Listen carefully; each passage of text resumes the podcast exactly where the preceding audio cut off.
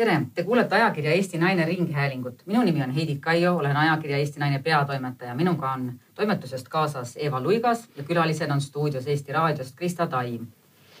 ja meie tänane teema on see, kas emana on võimalik õnnestuda. kas on võimalik olla endas kindel ja öelda endale mõttes, et ma tegin parima, mis võimalik, ma ei teinud emana vigu ja olen vastutasuks saanud perfektse lapse, kes nüüdseks on kasvanud maailma kõige õnnelikumaks ja edukamaks mis teie arvate, kas on võimalik emana õnnestuda ja seda selliseid sõnu öelda? see on hästi raske küsimus, ma pean omalt poolt ütlema, sest ma olen selle üle mõelnud nüüd viimastel päevadel veel eriti. Ehm, ta on nagu mulle uuesti meelde tulnud, et ma olen selle mõtlema hakanud, aga ma arvan, et äh, olenevalt olukorrast, kui lapsel läheb kehvasti mingi asi, mis ta nagu ei vasta su ootustele, siis ma tunnen, et mina olen ebaõnnestunud. kui tal läheb hästi, siis ma tunnen, et jess, nüüd ma olen kõige parem ema ja kui ma olen küsinud ka oma tuttavate käest, et kuidas te vahel tunnete, et noh, kuidas tundub, et kuidas selle lapsega on, et oled sa ikka hea ema olnud või niimoodi. mitte keegi ei ole mulle vastanud, et jaa. alati neile tulevad meelde need hetked, kus noh, nad on jätnud lapse, kas just nüüd unarusse, aga sedasi noh, et elu nõuab oma osa ja ei ole nii palju sellele mõelnud. ja siis ma hakkasin täna veel mõtlema ka selle peale, et aga võib-olla need emad, kes mõtlevad, et nad äh, on ebaõnnestunud, on tegelikult just õnnestunud, sest nad on kasvõi korra selle peale mõelnud. et mida nad võib-olla on valesti teinud, aga kas on. et on püüelnud vähemalt. jah, nad on nagu midagigi. Nad on analüüsinud. jah. jaa aga kuidas sul, Eiva, oled sa tundnud? mina olen küll tundnud õige mitu korda, vot mul on kaks last ja neil on vahe on kümme aastat ja ajad, millal nad sündisid, olid täiesti erinevad ja võrreldamatud et. Äh, no mul on äh, selles mõttes olnud keeruline, et mul oligi äh, lapsi keeruline kasvatada ja, ja. sinu lapsed kasvasid ju nendel üheksakümnendate. minu lapsed kasvasid üheksakümnendate alguses ja, ja oli hästi-hästi palju mõjutajaid. ja ise ma olen mõelnud, et võib-olla kõige suurem mõjutaja oli see, et minu vanemad tegelikult olid edukad ja neil oli palju tööd. ja ma ei saa öelda, et mind oleks äh, kuidagi unarusse jäetud. aga ma kasvasin omapäi, väga palju omapäi.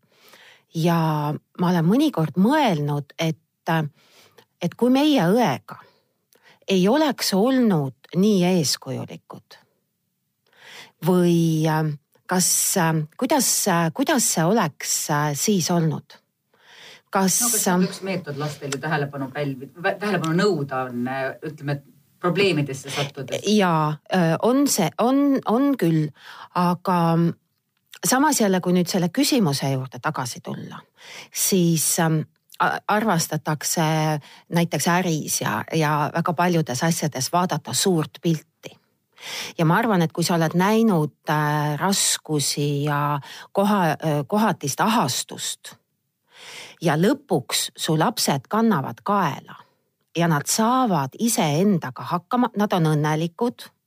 kõik ei ole küll tulnud kergelt, aga kõik, mis neile on tulnud, on nad ise teinud. ma võin enda kohta sama öelda.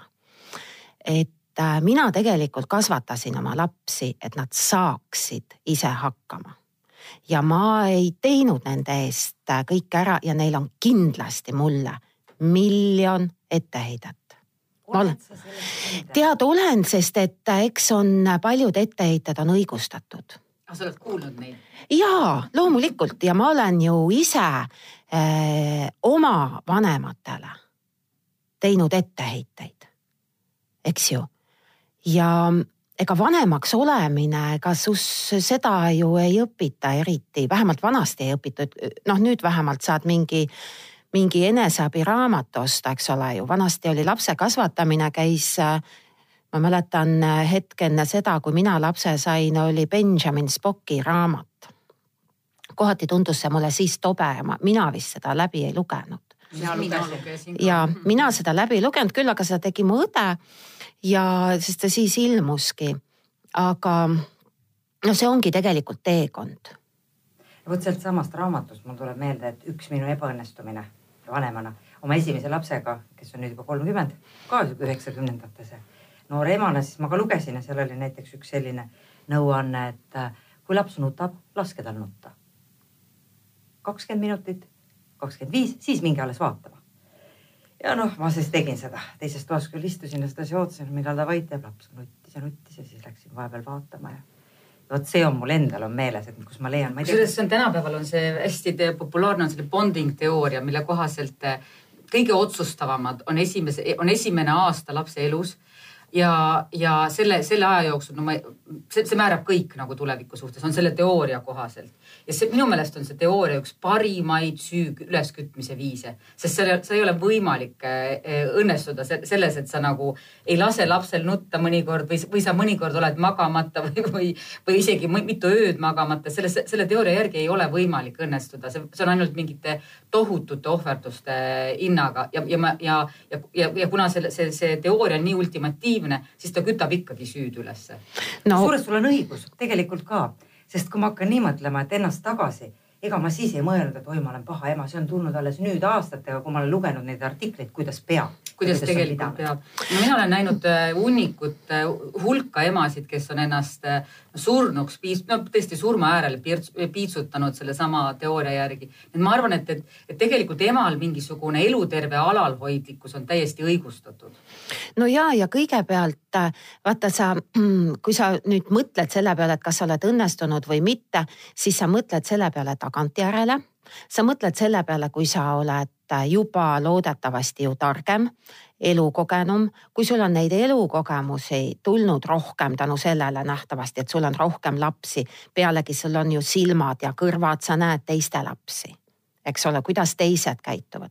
et mina arvan, et, et iga inimene, ükskõik mida ta teeb, kaasa arvatud laste kasvatus, sellel hetkel, kui ta tegutseb, tegutseb ta parimat silmas pidades, ta arvab ja ta on, mis sa arvab, ta on täiesti kindel, et nii on õige ja hea. et ma ei usu, et ükski ema äh, ärkab üles teadmisega, kuidas ma saaks täna olla halvem kui eile. Eks ole ju, et see ei, no see ei tule ju kõne allagi, kui me isegi räägime sellist, ütleme sellist noh, sotsiaalset tuge vajavatest peredest, kus on tõesti rasked probleemid kus on noh, elustiil on äh, võib-olla mitte kõige viisakam või, aga nad on südames ikka tahavad olla äh, täna paremad kui eile. Krista, kas sina rääkisid lastekodulastest, kes äh, põgenesid oma vanemate juurde? ja, ma mäletan seda, see oli kuskil äkki viisteist, kakskümmend aastat tagasi, no palju, küllaltki noor ajakirjanik olin veel siis ja sattusin Kohtla-Järve kanti, kus oli siis lastekodu, nime ma praegu ei hakka siin välja tooma ja seal juhataja rääkis äh, poisist ja tüdrukust, kes pidevalt ära toodi. Äh, vanemate juures, sest nad äh, toodi lastekodusse, nad jooksid jälle ära, uuesti olid vanemate juures, seal ei olnud süüa ega midagi. Lugu jäi mulle just veel sellepärast meelde, et et no õuduse kirjeldusena oli see, et vanemad jõid, olid natukene asotsiaalsed kergelt öeldes ja nad sõid ära isegi koera Šaariku. ja kui lastekaitse siis lõpuks jälle läks lapsi tooma, et see oli nagu koer potti pandud. Ja sellised lood ja siis hakkad mõtlema, et, et ometi need vanemad järelikult nad pidid kuidagi neid lapsi niimoodi armastama või hoidma või mis see oli, mis neid lapsi sinna tagasi tõi. et noh, nad ikka jooksid, ikka jooksid ja läksid, sest seal oli midagi seda ja vaevalt, et need lapsed oleks öelnud, et nende vanemad on ebaõnnestunud tol hetkel, kui nad mm -hmm. sinna jooksid no ilmselt see on pigem mingisugune, laste puhul on see tunne kuhugi kuul, kuulumisest, et keegi, kes on päriselt sinu oma, nende jaoks ongi normaalsus. Nad sellel hetkel ei, ei esita hinnanguid kuigi tõsi võib olla, et, et jälle täiskasvanuks saades neljakümneseks, neljakümne viieseks on see to, jälle tohutu suur pinnas äh, mõnusaks eneseanalüüsiks ja, juhul, kui nad said ikkagi hakkasid kaela kandma, siis kindlasti eh, kulus ka mõned äh, psühholoogi seansid, et, et tagantjärgi aru saada, saades, et missuguses jamas nad olid siis, siis nendest traumadest üle saada. kuigi ka ma saan aru, et ka tänapäeva psühholoogias on uusi suundi, mille üks, mille üks osa on see, et, et, et, et, et vaatame ainult ette, et, et ärme selles seal minevikus ülemäära snorgeldame, ainult noh, nii palju kui vaja selleks, et, et saaks elutervelt edasi minna. no ma ei tea, ma eile küsisin just oma nooremalt tütrelt, kes on kakskümmend siis, et äh, kas ta, et kuidas sulle tundub, et kas ma olen olnud hea ema? me juba lööme pinnase selleks, et tekiks mingi konflikt või hakkaks mingeid vanu asju arutama. noh, õnneks läks rahulikult ja ta hakkas sedasi siis mulle rääkima, et ei, et ei ole päris nagu viga, et oleme saanud kõik asjad ära arutada. siis ma küsisin, no aga hommikuti ma ei teinud sulle süüa, ei saatnud sind kooli. seda ta nagu ei mäletanud, ju ta siis päris tühja kõhuga ei läinud. aga siis talle meenus see, et, et äh, liiga vähe toetad. ma ütlesin, no kuidas ma sind pidin toetama. no mõned asjad, vot tahtsin laulda teile, laulsin tagaautos ja siis te ütlesite Essiga, et kuule, ole nüüd natukene aega vait no vot, aga ta oli juba laulnud tund aega ja veel tund oli, siis mõtlesid, et no ja, ja vot see jäi lapsele hinge. no minul on äh, see kogemus nüüd hiljuti äh, tulnud, et vaata, kui sa ise, eks ole ju, kui sa oled äh, noh, puberteedi eas, siis on ju maailm must ja kole paik ja siis kõik on halvasti väga, noh, käivad mingid sellised masendusperioodid. ja siis hakkad, leiad see draamale toitu oma isiklikule draamale toitu erinevatest lausetest ja mühatustest, mis su vanemad on sulle, äh, sulle öelnud ja siis kannad neid niimoodi, eks ole ju, surmatunnini kaasas. ja andeks ei anna. ja andeks ei anna või noh, okei okay,, see jääb sulle väga meelde ja, ja see on sinu jaoks olnud nagu teatud mõttes nagu pöördepunktid. ja siis kuuled kunagi oma lapse käest mingit lauset ja siis saad aru et sa ei mäletagi, et sa oleksid üldse midagi sellist öelnud. et mingi selline situatsioon on olnud. ja, ja mõtled, et ja siis nagu järsku saad aru, et äh, inimesed mäletavadki erinevaid asju ja teatud vanuses on erinevad asjad olulised. eks ju. ja, ja siis ma sain aru, et oma teadmatusest sa teedki teisele inimesele, kes on sinust võib-olla kolmkümmend aastat noorem, eks ole ju. sa teedki haiget asjaga, mis sinu jaoks üldse ei olegi, see ei ole nagu midagi. ja siis tead ausalt öeldes ma rahunesin maha. ma, ma sain nagu paljud asjad enda jaoks, mida ma ka, eks ole ju, no uhke ja eks ole, emotsionaalne olen hinges kandnud. väga mõnus, panin, eks ole ju pakki ja viskasin alla tuult alla need mõtted kusjuures samasuguseid mõtteid olen ma mõelnud ise ka ja jõudnud sellisele järeldusele, minu lapsed on veel suhteliselt väiksed, et vanem, vanem tütar on kaheksateist ja teised on teismeline ja, ja, ja kümneaastane. ehk siis praegu veel selline süüdistamise aeg ei ole, pigem on see selline tingimusteta armastuse aeg ikkagi veel.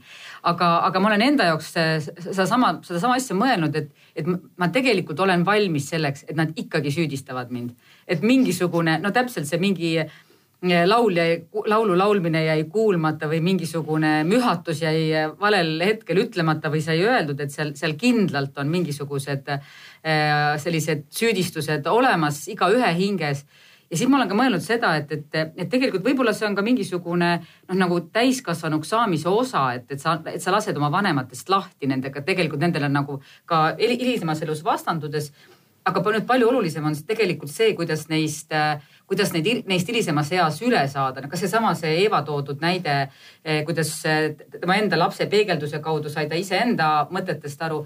mul on, ma ei mäleta, kelle iganes artikkel oli, keda ma lugesin, kes ütles, kes oli just neljakümnenda sünnipäeva tähistanud ja siis intervjueerija küsis, et, et, et kuule, sul oli raske lapsepõlv, et, et sellised ja teistsugused asjad, et kuidas sa sellega oled hakkama saanud, et, et ma ei tea, sul isa jõi ja ma ei tea, ema jättis teid lastena maha ja siis ta ütles tead, ma olen aru saanud, et ma olen üle neljakümne aastane, et mul on aeg elama hakata, et mida ma tegelen sellega, mis mul lapsepõlves oli.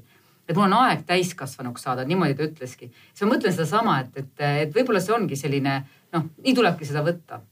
aga see on võib-olla ka põlvkondade asi, sest vot meie oleme nagu läbi noh, tulest ja veest tulnud, ütleks sedasi, et karastunud nõukogude lapsed ja, ja nii edasi, et meie vanematel oli palju tööd teha ja mida kõike iganes, mis probleemid võisid seal veel olla.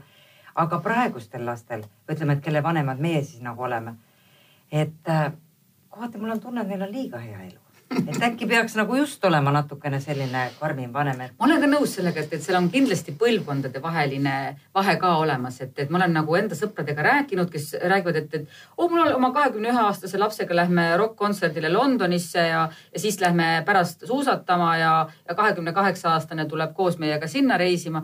et ja lapsed noh, vabatahtlikult ja väga hea meelega käivad vanematega koos ja, ja, ja, ja et, et, et kuidagi nagu selline noh, nagu sõbralik suhe on või nagu, et mingisugusest east muutub see eh, vanemate ja laste vaheline suhe nagu rohkem sõpradevaheliseks suhteks. ja ma rääkisin, me arutasime seda ükskord sõpradega ja siis üks, üks sõpradest ütles selle peale, et issand, ma poleks küll oma vanematega taht, tahtnud rokk-kontserdile minna, et pigem nagu vastupidi, et, et mitte, et vanemad ei võta kaasa, vaid et, et ma poleks küll tahtnud minna oma vanematega koos. et seal kindlasti on mingisugune põlvkondade muutus ka.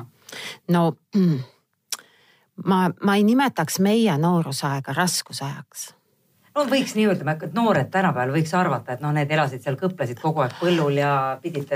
tead, aga, aga, aga kas see, et, et, et edaspidi elu lähebki, et ta muutub, kas see ei ole mitte tsivilisatsiooni areng? No ma praegu hakkasin mõtlema, et kui, millega ma siis võrdlen, eks ju, minu lapsepõlv jäi nõukogude aega, minu ema lapsepõlv jäi sõjaaega tema äh,, tema ema lapsepõlv jäi, eks ole ju esimese maailmasõja aega. et, ähm, et see, meil ei ole olnud elus nii drastilisi muutusi, aga, aga, aga Euroopas on olnud sellel ajal nii drastilisi muutusi mujal, kaks tuhat kilomeetrit eemal.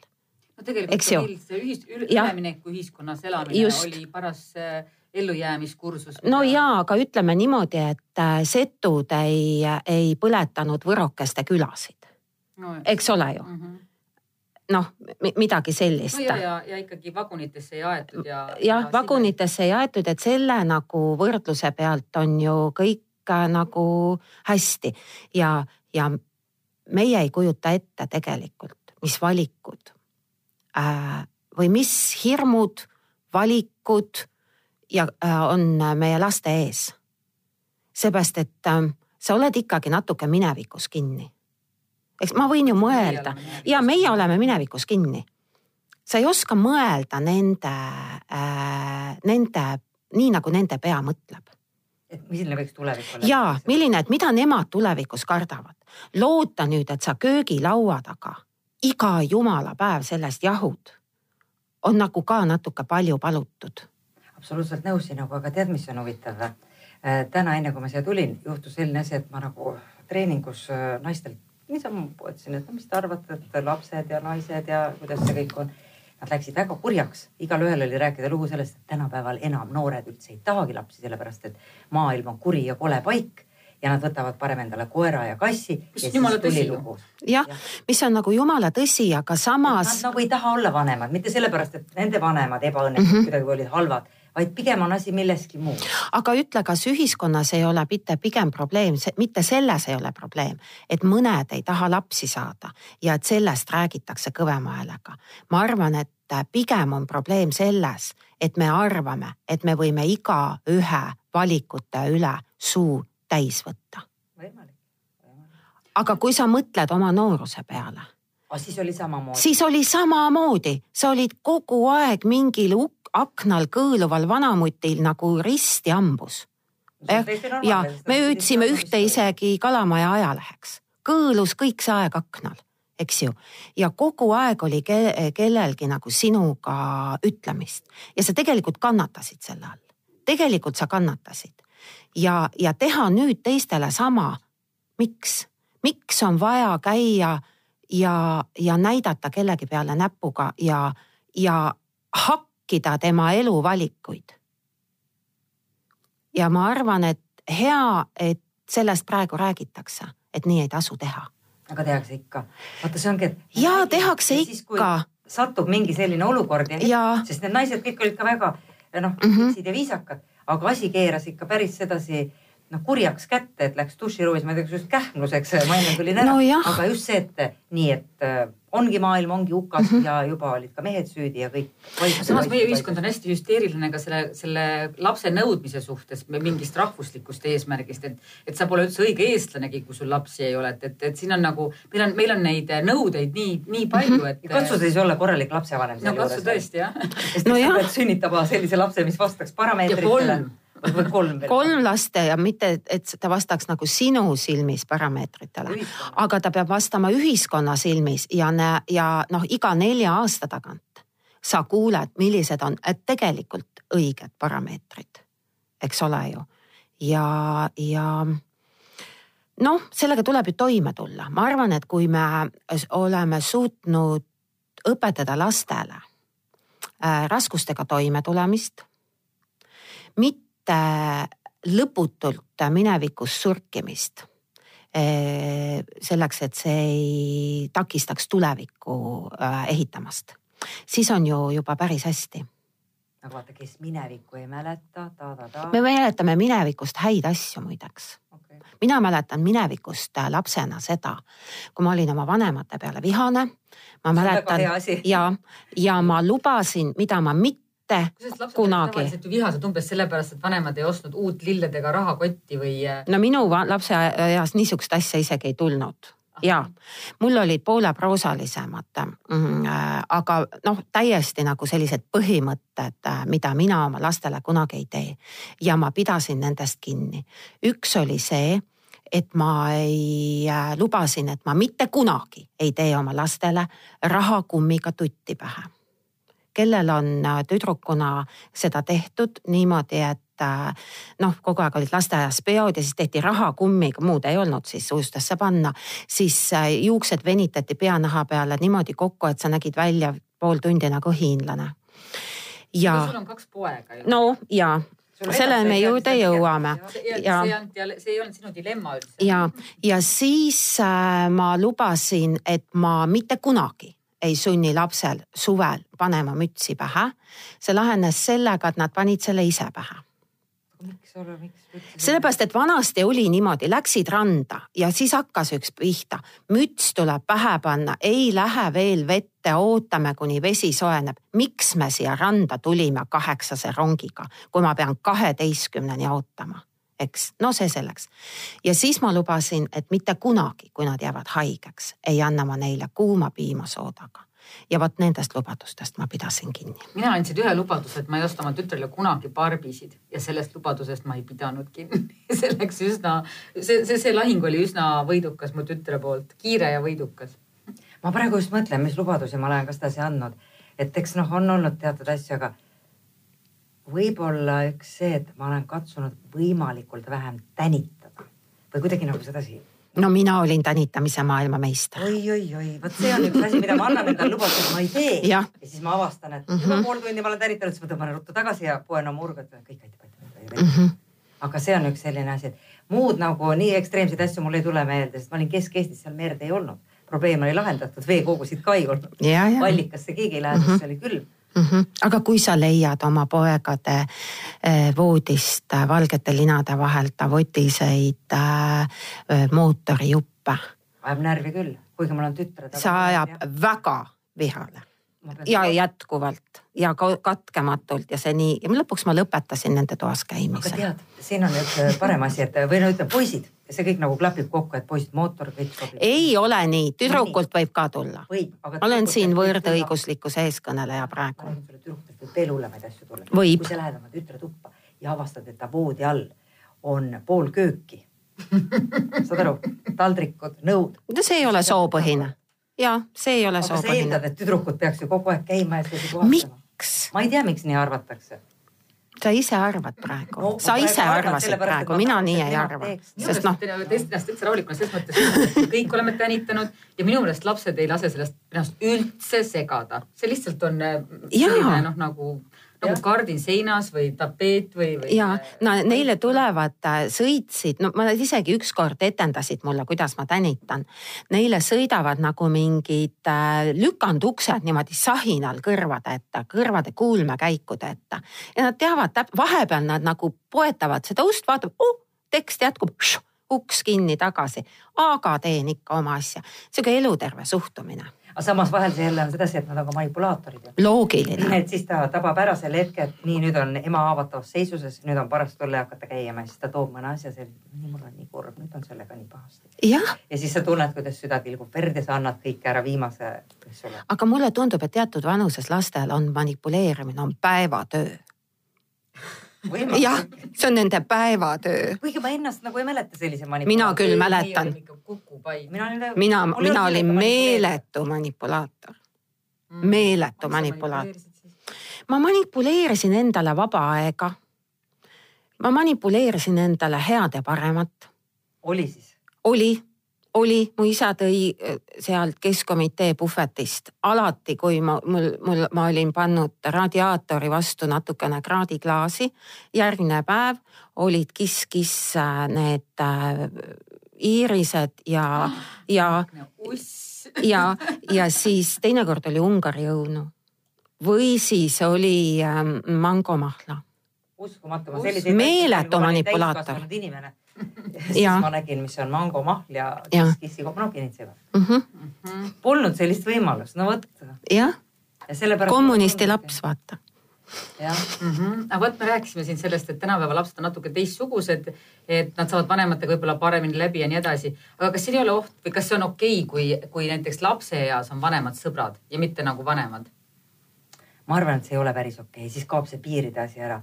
Et siis ongi, et kogu aeg semutseme, ainuke, et me ei ole võrdsed enam. kasvatab jah? jah, kes kasvatab, pluss et raha annad küll talle kogu aeg, aga vastu sa enam ei saa nagu midagi, et. aga miks ei saa semutsedes vastu?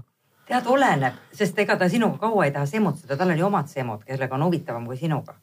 sinuga ta semutseb, et saada nagu öö, noh, aga kas ei ole nii, et neid äh, lapsevanema suhtemudeleid, lapse ja vanema vahelise suhtemudeleid on erinevaid kindlasti on. ja see on üks Aga- nendest. aga võib-olla seal on ka see, et, et äh, oleneb ole, olukorrast, et on kindlasti mingeid asju, milles on mõistlik nagu äh, usalduslik suhe säilitada, et selle, kasvõi juba selleks, et, et teismeline ei prõmmiks ustega ja ei kaoks näiteks äh, öösel, ei kammiks minema kuhugi, et, et, et seal noh, et selle, selles tingimuses ei võib-olla ei esitata se- selliseid ultimaatumi, mis ajaksid teismelise üldse tänavale aga, aga samas jälle ma kujutan ette, et, et on jälle olukordi, kus tuleb vanemana ennast päris, päris ra- ra- rangelt kehtestada, et, et nii, kõik see on nüüd meie piir ja, ja, ja si- si- siit, siit edasi ei tegutse. aga kas sul ei ole tulnud ette olukorda, kus sa pead sõbra suhtes ennast rangelt kehtestama? minul küll on tulnud, kui ta ronib nelja jalaga minu ellu.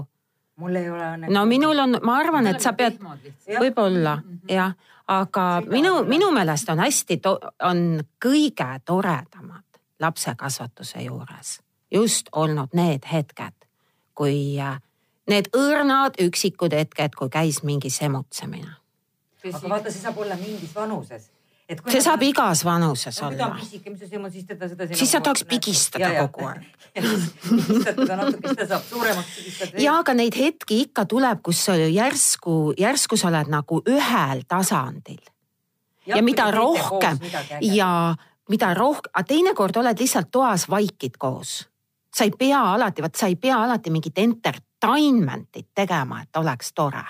no sellest meil ongi ju tulnudki vahel probleeme, et tuled ja oled vait ja siis laps istub ka seal, oleme vait, oleme vait, siis lõpuks noh, keegi ei räägigi minuga, marssib teise tuppa.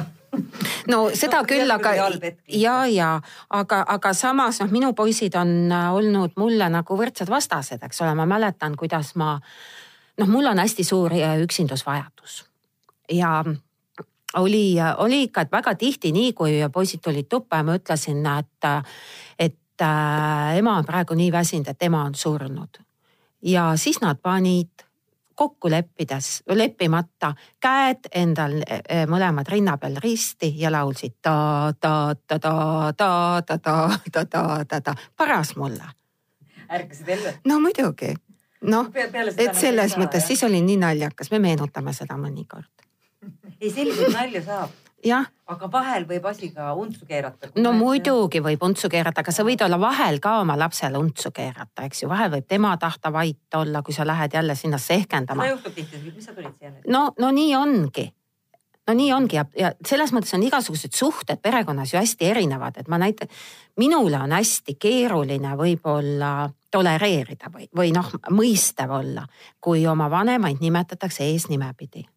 Täiesti kohutav, ma olen iseendaga meeletult tööd teinud. aga sina, kuidas teil on kodus? no mina olin nii, et kuna mina olin see rebel, Mhm. siis äh, mina võtsin endale õiguse öelda isale paps. aga muidu oli ema ja isa ei olnud sedasi, et? ei, mõned minu klassikaaslased ütlesid vanamutt. ma ei kujuta, ma ei kujutaks üldse ette, mul ei tuleks kahte häälikut ka üle huulte.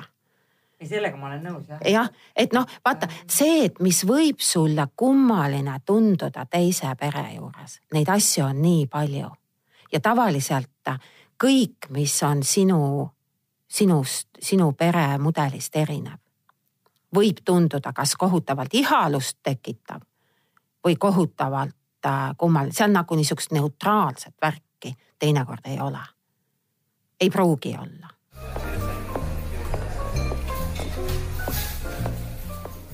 Oled sa selle mõelnud, et, et, tahaks ju oma lastele midagi nagu edasi anda, oma tarkustki pisut, nii palju, kui seda peas peaks olema kuskil. et vot kuidas seda nagu anda, sest kui sa hakkad neile rääkima mingit elutarkust, et küll läheb mööda või noh, mingid rasked ajad nagu siis noh, see kõlab ikka nõmedalt. et vot kuidas seda neile edasi anda? oleneb, mida sa elutarkuseks pead. no kasvõi seesama, et on, lähen sõbraga tülli või sõpradega läksin tülli, praegu on raske aeg, peikaga, mis iganes. ja siis kuidas sa talle selgitad, et kuule, tead, läheb mööda. kõik laabub omal, iga asi omal ajal. mina patran küll vahet pidamata. ma olen rääkinud, aga ma olen vaadanud, et see nagu ei, ei, ei, ei, ei, et äh, noh, pigem tekitab siukest tunnet, et kuule, et ärme nüüd hakka.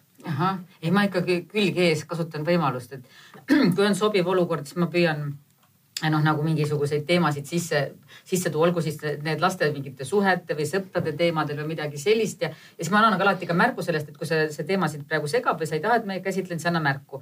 ja siis enamasti tehakse mulle mingisugune selline võbelev märguanne, millest ma saan aru, et no, no räägi, räägi, ma tegelikult kuulan sind, kõrvad kikkis või noh, et ma sellest ilmest saan aru, et tegelikult neid väga-väga huvitab see, mis mul öelda on kusjuures noh, mõnikord ma pean neid jutuajamisi ka nagu ennetavalt, et, et, et ma aiman, kuhu poole hakkab asi minema ja, ja ma aiman ette, et, et kui see asi täitsa pekkis on, siis ei võta mind keegi kuule, kuuldele.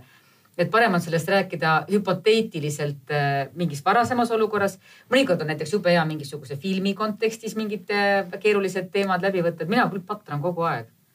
see on päris hea päris hea võimalus seda see ennetavalt. no filmi kontekst ja nii, aga noh, mina näiteks mäletan küll, kuidas äh, kuidas noh, vaata, kui sa oled, eks ole ju noh, tavaliselt mida, mida sa siis, mis elutarkus sa lapsele patrad no,. siis, kui ta, eks ole ju ja äh, saab nagu haleda armastuse osaliseks, eks ole. no näiteks noh, üks asi, mis filmi kontekstis mulle meenub, on see, et, et, et noh, minu meelest oleks mõistlik, kui enne, kui koos hakatakse elama, elab nii poiss kui ka tüdruk e-, eelnevalt üksi. et, et mitte nagu noormees ega siis tüdruk ei koli otse kodust uude suhtesse, et siis noh, et, et ei hakkavad kodu mängima, et seal võivad sellised sellised väga noh, nagu traditsioonilised rollimudelid käiku tulla, et, et järsku on ema, tüdrukust saanud ema, on ju, ja poiss võtab mõnusalt, mõnusalt sellise teenindatava poja rolli sisse.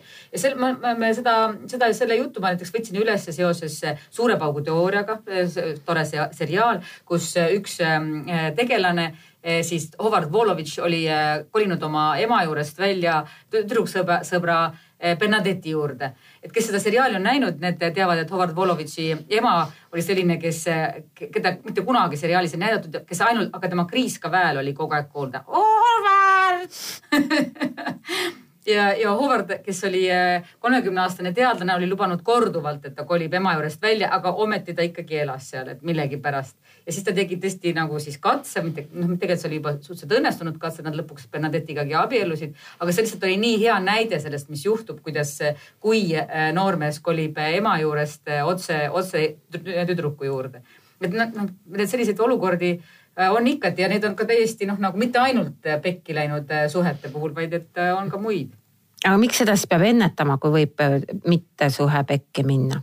ei noh. igaks juhuks räägid, et ta teab, et kui läheb, siis. ei no need, ma mõtlen, et seda oleks mõistlik lihtsalt, et, et noh, näiteks ei hakkagi planeerima endale seda, et, et, et, et istud kutiga koos äh, pargipingil ja arutad, et oh, siis, kui me kaheksateist saame gümnaasiumi ära lõpetame, siis, siis hakkame korterit üürima, onju. ja siis vaatavad mõlemad tüdrukule otsa või, või tüdruk, noormees tüdrukust ja sina hakkad raha teenima, onju. ja mina istun diivanil ja joon õlut, onju et ongi selline no, nagu ilus unistus tulevikust. ütleme, et ma emale nagu noh, nagu väga ei, ei. poegade emana ma ei luba äh,, ma ei luba äh, poisse a priori nimetada inimesteks, kes alati vajavad emakuju ja aga kas sa just, aga, aga kas sa, kas sa tahad öelda, et see ei oleks hea, kui poiss on võimeline üksi elama, üksi muna praadima, triikima, mul on ka kaks poega ju. no mina arvan, et see on äh, elus hakkama saamine on kohutavalt oluline. aga vot kuidas sa seda õpetad neile? no ei pea tegema ju selle järgi, eks ju, kuidas nüüd nagu mina Võib tegin. sa oled hea ema oled, kes pole lasknud neil ise teha ja õppida. ei, aga kuna mulle kunagi keegi, meil ei olnud sellist kodust ema, kes oleks äh, alati äh, söögivalmis, meil tõesti ei olnud ja, ja ma olen ka nii ablas ja mul õde on ka nii ablas, et nüüd jääda surema külmkapi kõrvale. see, see ei tule kõne allagi ja, ja me mõlemad äh, õppisime süüa tegema. ja ei ole ka keegi äh, nendest meestest minu elus, kes on olnud, kukkunud külmkapi kõrval kokku ja nii ei ole teinud ka poisid. sest kui nad midagi tahavad, siis nad saavad selle teha ja, ja, ja kui, kui nad midagi ei söönud, mingit asja, siis ma ütlesin väga hea. mulle jääb rohkem aga ei olnud sedasi, et vaene lapsukene lähme ei, ei mulle tundus see äh, teismelisena, mul olid, äh, oli tuttavaid sõpru, üks peigmehe kandidaat Haapsalust, kellele ema tegi iga päev äh, kaks toitu, sellepärast et pojake ei tahtnud sibulat. Ma, ma ei kujuta nagu ette, miks peaks keegi, ma saan aru, et kui sul on mingid noh, mingid allergiad või toidutalumatused, Heidit võib seda rääkida, eks ole ju, mis see tähendab tegelikult et siis, äh, siis kas sa pead tegema kaks toitu alati või sa kuidagi mugandad, sina, kes sa saad kõike süüa selle dieedi peale ennast kodus. no ja, ja mul on ühel lastest nimelt tugev allergia, ühel poistest kusjuures ja, ja, ja ma olen väga palju mõelnud selle peale, et, et see on tema iseseisvuse küsimus on see, et, et ta õpib ise süüa tegema. et, et tal ei ole vaja kedagi, kas siis naist kõrvale või ema kõrvale, kes talle kogu aeg siis seda sööki ette kannaks, et see, see tegelikult on, ma ja ma arvan, et ka, et see on teiste poiste puhul üldiselt on see iseseisvuse ja sõltumatuse küsimus, et sa oled või, võimeline ka ilma Eh, naisabijõuta elus edasi liikuma no ja, ja pealegi ei, ma tunnen päris paljusid selliseid naisi, kellel on ka päris mitu last, kes, kes ei ole olnud söögitegijad. et tegelikult see elu ja hakkama saamine, eriti tänapäeval, ei käi söögi tegemise ümber. et ammu ei ole nii, et iga mees läheb, toob mammuti metsast ja siis äh, teised need naised hoiavad nagu, nagu süsi nagu hõõgvel. et äh, kõik asjad on võimalik teha, kõik lihtsalt küsimus on selles, et palju sa siis maksad selle eest, eks ole ju. et kui keegi teine teeb, siis maksad rohkem. kui ise teed, võid odavamalt saada, kuhu su raha kulub, kuhu su aeg kulub raha läheb niikuinii ära, mõni ei tee süüa, mõni ostab jälle pileti mingile meelelahutusüritusele. teine, teise meel lahtub äh, nagu lahedaid roogi valmistades. kolmanda meel lahtub, kui ta putitab kuskil garaažis mingeid äh, masinaid, eks ju, et ähm, aga samas see oleks ka vale, kui näiteks see äh, masinaputitaja äh, läheb siis koju ja kallab järjekordse paki friikartuleid, sügavkülma friikartuleid pannile ja siis kühveldab need sisse. ja, aga ütleme nii, et kui aeg-ajalt on seda isegi tehtud no aeg-ajalt. jah, aeg-ajalt on seda isegi mina tehtud, aga ma, mina näiteks ei suuda kogu ähm, maailma muresid enda õlgadel kanda. päriselt. aga see mure aeg-ajalt, et võib-olla ma olen vanemana ebaõnnestunud muidugi, tead, see on nagu fakt, et on tuhandeid aspekte, äh, milles ma ebaõnnestusin. tuhandeid kusjuures üks, üks asjaolu, mille peale tavaliselt äh, väiksemate laste vanemad, võimalik, et ka suuremate vanem, äh, laste vanemad süütunnet tunnevad, on tegelikult olukord, kus nad on karjunud või endast välja no, viinud. see ongi põhiline mm. -hmm kus nad on käitunud sellisel moel, nagu nad ei, tegelikult ei pea väärikaks. et me tegelikult ei karju ju enda töökaaslaste peale või, või sõprade peale ja, ja, ja siis suudavad lapsed viia su sellisesse seisundisse, kus sa ei ole sa, sa ise ja, ja karjud niimoodi nagu noh, jah noh, nagu hüsteerik nagu, nagu tõeline äh, jah, et. ma ise ja. nimetan seda alati, et nagu aasta ema jutumärkides. ja, ja aga, aga, aga noh mõelda, et tegelikult ma ei ole selline, kui sa ikkagi oled kolm korda seda teinud, ju sa siis oled ka selline. äkki see peabki olema? no ma mõtlen ka vahel need karjumised ja sellised asjad. no võiks teha nii, et ei alanda kedagi, eks ju no.. seda ma kahjuks küll olen teinud vot see on jah tõesti seda. päriselt. aga siis tol hetkel sa ei kontrolli ega mõtle, see lihtsalt tuleb ja. kuidagi ja. jah. no ega vaata, ega laksust ka lõugama ei hakka ei hakka ei keset hakka. päeva laua lihtsalt äh, hüsteeritsema, eks ju, et äh,. kusagilt on piiri sikutatud. kuskilt jah, mingit piiri on sikutatud. mis on sinu piir? teinekord äh, noh, teinekord manipuleerides, teinekord on juhtunud kõige hullem on see, kui see on õnnetus juhtunud. ma arvan, et, et mingi noh, võib ju ka endast välja minna, et piimaklaas läks jälle laua peal äh, ümber. Eks ole ju. vanaema tutistas, piimaklaas läks Jah. jah, aga noh, vanaema, eks ole ju oli peale sõjaaega laps ja, ja. siis see- see tütar ütleb siiani, et kas oli kõigest klaas? ja jah, minu po- äh, vanemal pojal on üks väga tore mälestus, mis mul on ka meeles ja see oli nagu meie ühine hetk. see oli üheksakümnendate aastate alguses, kui ei olnud üldse süüa ja üldse süüa tähendab seda, et päriselt ei olnud süüa ja mul oli alustassi peal üks äh, kuupsentimeetrine võitükk. ja minu kõige väiksem poeg, kes oli siis vast, ma arvan, et ta oli aastane, üheksakümne teisel aastal. ma panin ta laua peale istuma, me olime kolmekesi köögis ja see või oli, oli mõeldud meile kõigile kolmele ja ta sirutas oma käe ja pistis selle suhu ja selle peale rõõmustas meeletult siis tema vend ja see oli, et minul oli nagu ehmatus ja ma saan aru, et see jutustus meenutab võib-olla natukene Leningradi blokaadi aegseid mälestusi, eks ole ju. aga see oli nagu selline, et noh, vot lastele jäävad need meelde ja minul oli see meelde jäänud ja ükskord vanem poeg ütles, et mäletad ema. see oli nagu selline lahe mälestus, mälestustest, ühistest hetkedest rääkides. kes karjumisega seoses, siis, siis mul on selline episood olnud, et, et eh, poisid mingisugused, me olime suusatamas eh, Austrias ja mina ja kaks poissi ja eelmisel talvel ja tüübid ei lähe magama, kus me oleme alati nagu spordilaagris hommikul kell kaheksa kell seitse üles sööma, kaheksaks mäele. et see tähendab seda, et kell üheksa peab magama, et tüübid ei lähe ja ei lähe magama, ma olen üksi kahe vastu onju ja siis jauravad ja jauravad, onju, ja mingi hetk ma no tõesti nagu, nagu eelnevalt öeldud, nagu aasta ema karjusin mille peale ma ka ise ehmatasin pärast nii ära, et ma veel öösel mõtlesin, et kuidas ma seda hommikul siis nagu lahendan. siis hommikul kutsusin no, poisid kokku, nii, meil on praegu selline olukord. ma väga vabandan, et ma eile niimoodi karjusin, aga me peame kuidagi nagu leidma sellise, sellise lahenduse, et, et, et kui nagu minu mõõt hakkab täis saama et kuidas ma saaksin sellest nagu märku anda, et kui ma ütlen järjest leebe, leebemast järjest tugevnema häälega, et poisid hakkame magama minema, siis natuke tugevamalt, poisid hakkame magama minema ja siis, et lõpuks nagu täie kopsuga, et, et, et ma saan aru, et see, see nagu ei tööta, et mis see võiks siis olla.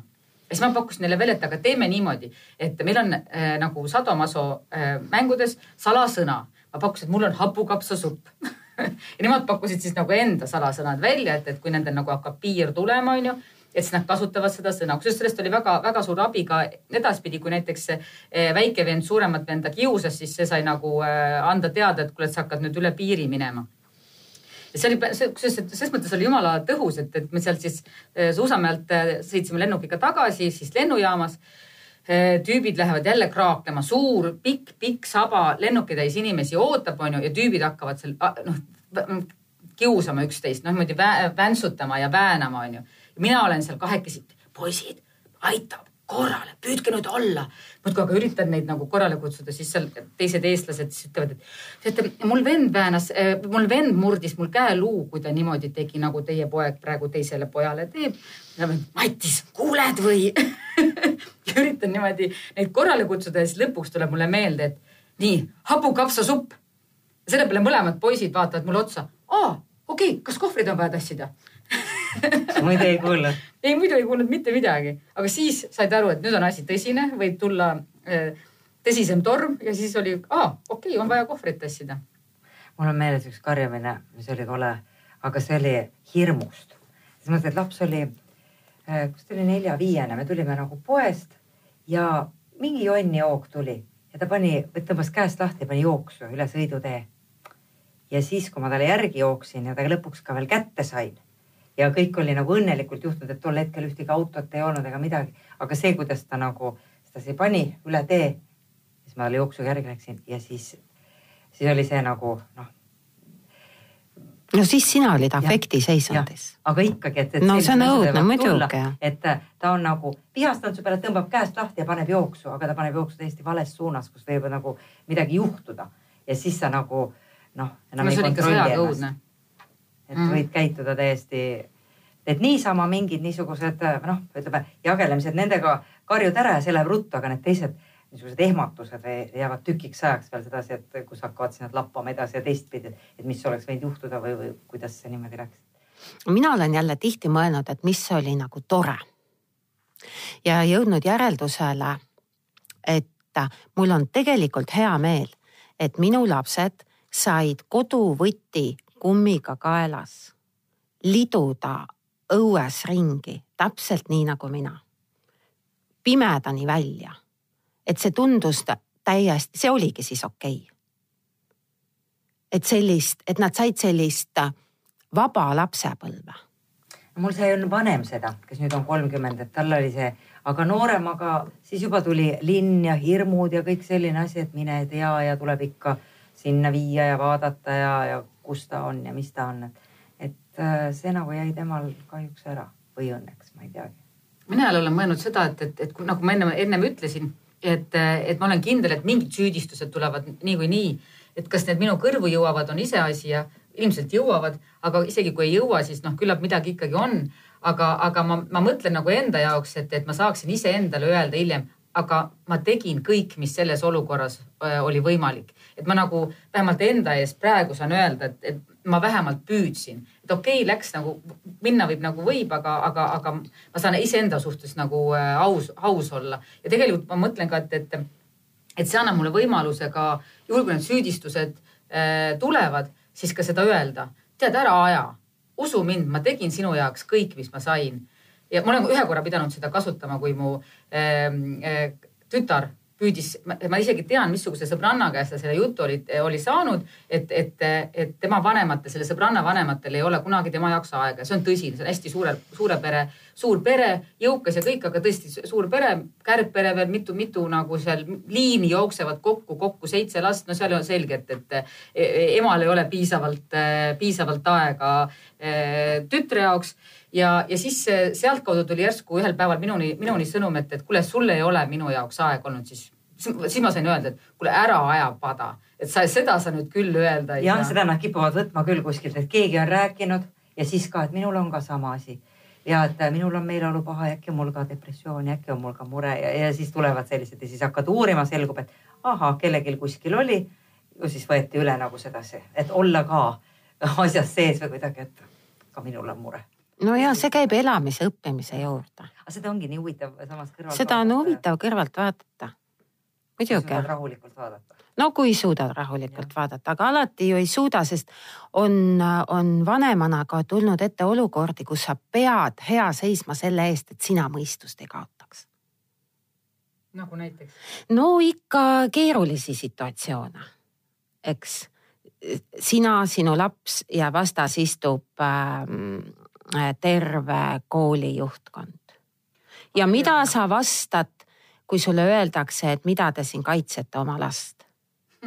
eks ole ju, jah, või no ega, ega igasuguseid, iga, igasuguseid olukordi võib olla, eks ju, et, ähm, et, et tihti väga paljudel ei pruugi see kodune elu ka nagu naise mehena ju väga libedalt ju minna, et sa, sul on neid, sul on neid keerulisi situatsioone ju kodus eks ole ju siis nagu lapsevanemana, siis nagu töökohal, siis nagu rahaline seis on, on eriti kehv.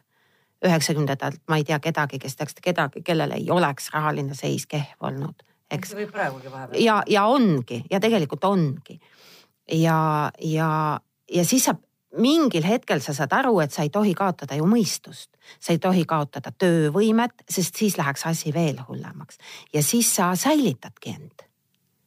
mingitel hetkedel sa tegeled iseenda säilitamisega no võib-olla need ongi vaata ka need hetked, kus sa oled jätnud lapse siis nagu. jah, nähtavasti. märganud, et ja. emat ei ole kuskil, ta on, millega tegeleb, aga sa just tegeled sellega, et ellu jääda nende nimel. just. et äh, keerulised valikud jah Nonii, aga sellega me tõmbame otsad kokku. me rääkisime teemal, et kas emana on võimalik õnnestuda. Te kuulasite ajakirja Eesti Naine ringhäälingut Naiste Hääl ja stuudios olid Heidit Kaio, Eesti Naise peatoimetaja, Eeva Luigas, Eesti Naise toimetaja ja külalisena oli saates Eesti Raadiost Krista Taim